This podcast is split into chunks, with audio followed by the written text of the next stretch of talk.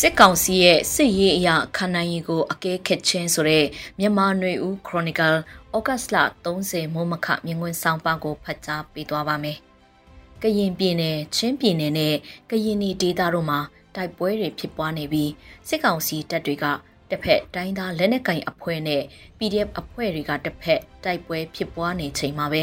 မြန်မာနိုင်ငံမြောက်ပိုင်းကချင်ပြည်နယ်နဲ့မြန်မာနိုင်ငံအထက်ပိုင်း စကိုင်းတိုင်းထဲမှာလည်းကျေးရွာတွေကိုစစ်ကြောင်းဝင်ရောက်နေတဲ့အဖြစ်တွေတပြိုင်နက်တည်းလိုလိုဖြစ်ပွားနေတာကြားသိနေရတာဖြစ်ပါတယ်။ကရင်ပြည်နယ်နဲ့ပဲခူးတိုင်းတို့မှာတက်မဟာ3ညောင်လေးပင်နေမြေတက်မဟာ6နဲ့9ဖြစ်တဲ့ကရင်ပြည်နယ်မြဝတီကော့ကရိတ်တို့မှာစစ်ကောင်စီတပ်တွေနဲ့ KNU KNLA အကြားတိုက်ပွဲတွေခုရက်ပိုင်းအတွင်းဖြစ်ပွားနေပြီး လက်နက်ကြီးနဲ့ပစ်ခတ်မှုကြောင့်အရက်သားတေဆုံးမှုတွေလည်းရှိနေရလို့သတင်းဖော်ပြချက်တွေရသိရှိရပါတယ်။ချင်းပြည်နယ်ထန်တလန်မှာစစ်ကောင်စီတပ်ရင်းနေရနဲ့အခြားတပ်ဆွဲထားတဲ့နေရာတွေကိုချင်းမျိုးသားတပ်ဦးနဲ့ချင်းကောက်ွယ်ရေးအဖွဲ့တွေကစတင်တိုက်ခိုက်မှုမှာစစ်ကောင်စီဘက်က30ကျော်တေဆုံးပြီးချင်းကောက်ွယ်ရေးနဲ့ချင်းအမျိုးသားတပ်ဦးဘက်က20လောက်တေဆုံးခဲ့တယ်လို့နောက်ဆုံးထွက်ရှိလာတဲ့သတင်းတွေမှာဖတ်ရှုရတာဖြစ်ပါတယ်။ အခုလိုချင်းပြည်နယ်နဲ့ကရင်ပြည်နယ်တို့မှာတိုင်းသားလက်နက်ကိုင်အဖွဲ့နဲ့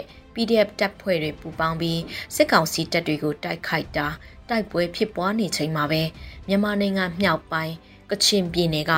KIA ဌာနချုပ်တရှိရာလိုင်းစာသွားတဲ့လမ်းဖြစ်တဲ့ဗမော်နန်ဆန်ရန်စတဲ့ဒေသတွေမှာစစ်ကောင်စီတပ်တွေလှုပ်ရှားနေပြီး KIA တပ်ဖွဲ့တွေနဲ့ထိတွေ့တိုက်ပွဲတွေ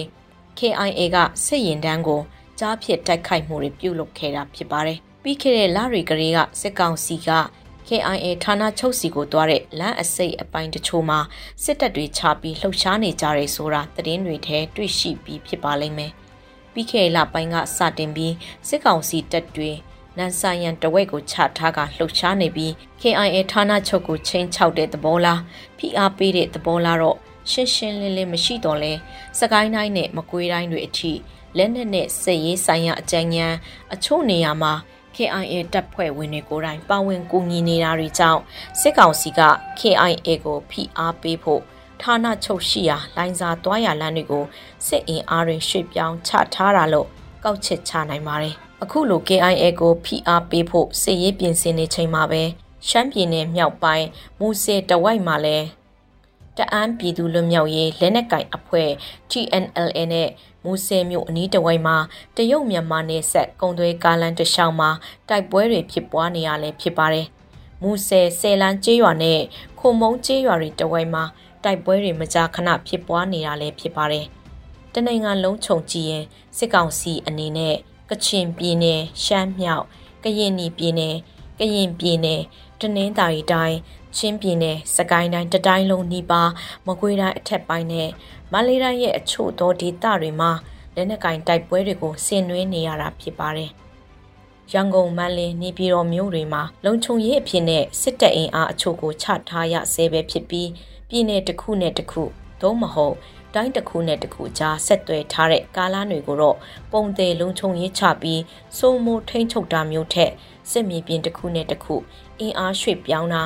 တက်ရင်တက်မတွေအခြေစိုက်ရာနေရာတွေထဲမှာပဲတက်တွေကနေထိုင်ပြီးနေရတဲ့အနေအထားလည်းဖြစ်ပါတယ်။လက်ရှိအချိန်မှာစစ်ကောင်စီအဖို့တိုက်ပွဲဖြစ်ပွားခြင်းမရှိတဲ့နေရာတွေအဖြစ်ရှမ်းပြည်နယ်တောင်ပိုင်းရှမ်းအရှေ့ပိုင်း၊ရော်ရီတိုင်းမွန်ပြည်နယ်အချို့သောဒေသတွေရခိုင်ပြည်နယ်မန္တလေးတိုင်းရဲ့ အချို့သောဒေသနဲ့စကိုင်းတိုင်းအနောက်မြောက်နာဂဒေသစတာတွေဖြစ်ပါတယ်။ဒီဒေသတွေကိုဖယ်ထားလိုက်တဲ့အခါကချင်ပြည်နယ်ချင်းပြည်နယ်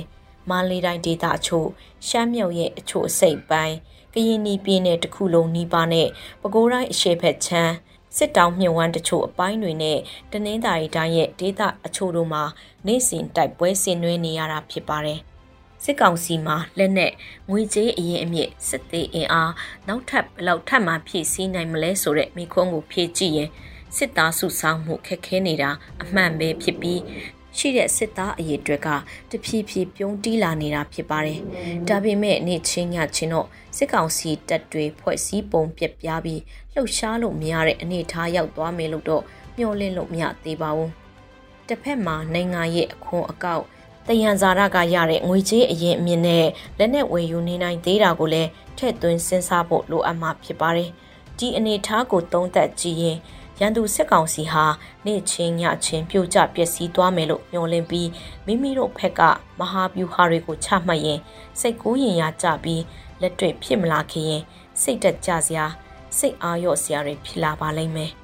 မိမိတို့အနေထားကိုလက်နက်ကင်တိုက်ပွဲရေရှည်လာသည့်အထိရင်ဆိုင်နိုင်အောင်ဖြစ်စည်းမှုတွေစီယုံမှုတွေလုပ်ဖို့လဲလိုအပ်မှာဖြစ်ပါတယ်စစ်ကောင်စီအနေနဲ့တနိုင်ငံလုံးဟိုနားဒီနားမှာတပြိုင်နက်တည်းစစ်မျက်နှာဖွင့်ထားနိုင်သေးတယ်ဆိုတဲ့အချက်ကိုကြည့်ရင်ရန်သူကိုရှော့မတွက်ဖို့အရေးကြီးပြီးမိမိတို့ရဲ့ရရှိခါနိုင်ရင်အရင်အမြင့်ဖြစ်စည်းနိုင်ရင်စတာတွေကိုစ조사ပြီးဖြစ်စည်းနေရမယ့်အချိန်လို့ထင်မြင်မိပါတော့တယ်ရှင်။